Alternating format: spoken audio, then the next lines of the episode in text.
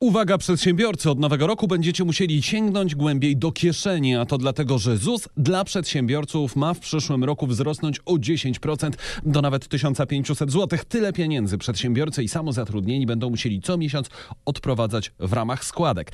Z czego wynika tak duża podwyżka? No, paradoksalnie z bardzo dobrej sytuacji na rynku pracy. No, pensje idą w górę i to właśnie od prognozowanego na przyszły rok wynagrodzenia zależy, ile będzie wynosić składka na ZUS dla przedsiębiorców. Stracą na tym głównie małe firmy i samozatrudnieni. Z czego wynika dokładnie ten problem? Czy przedsiębiorcy się boją? O tym rozmawiałem z doktorem Leszkiem Juchniewiczem, czyli głównym ekonomistą organizacji Pracodawcy RP. No pewno jest to coś, co ich zaskakuje. Nikt nie lubi podwyżek, yy, a to będzie ewidentna podwyżka. Co prawda 10% wzrostu składki na ubezpieczenia społeczne nie jest jakąś yy, porażającą wielkością. Natomiast y, jest to kolejny mm, jakby naruszenie status quo i przyspieszenie pewnych y, wielkości. Ten wzrost przeciętnego wynagrodzenia w gospodarce narodowej przewidywany na 2020 rok, który jest podstawą kształtowania stawki ubezpieczeń społecznych dla przedsiębiorców, no, jest dość znaczny. W założeniach budżetu państwa przyjętych przez Radę Ministrów jest y, kwestia, jest y, no, dynamika wzrostu przeciętnego wynagrodzenia na 20 rok szacowana na poziomie no, około 6%.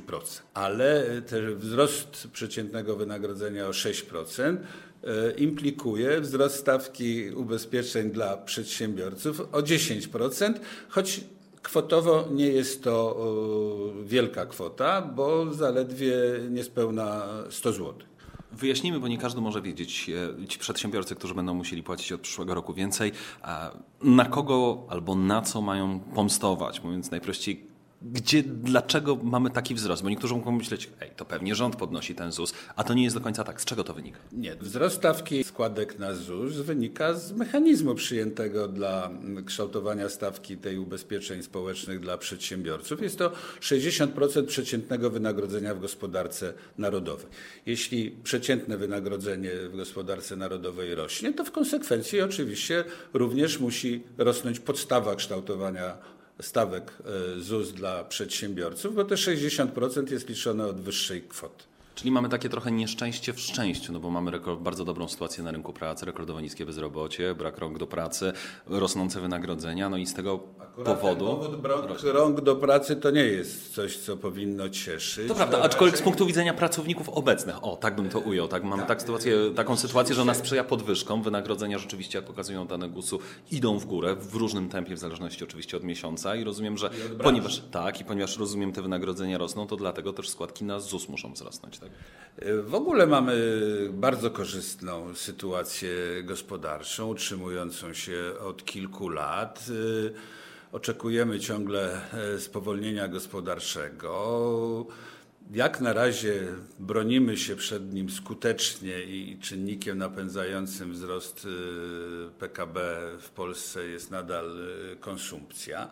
Tak jak pan redaktor powiedział, rośnie gospodarka, mamy, rośnie e, zatrudnienie w gospodarce, mamy e, no, od lat najniższą stopę bezrobocia, bo ona się kształtuje na poziomie zaledwie 5%, 5%.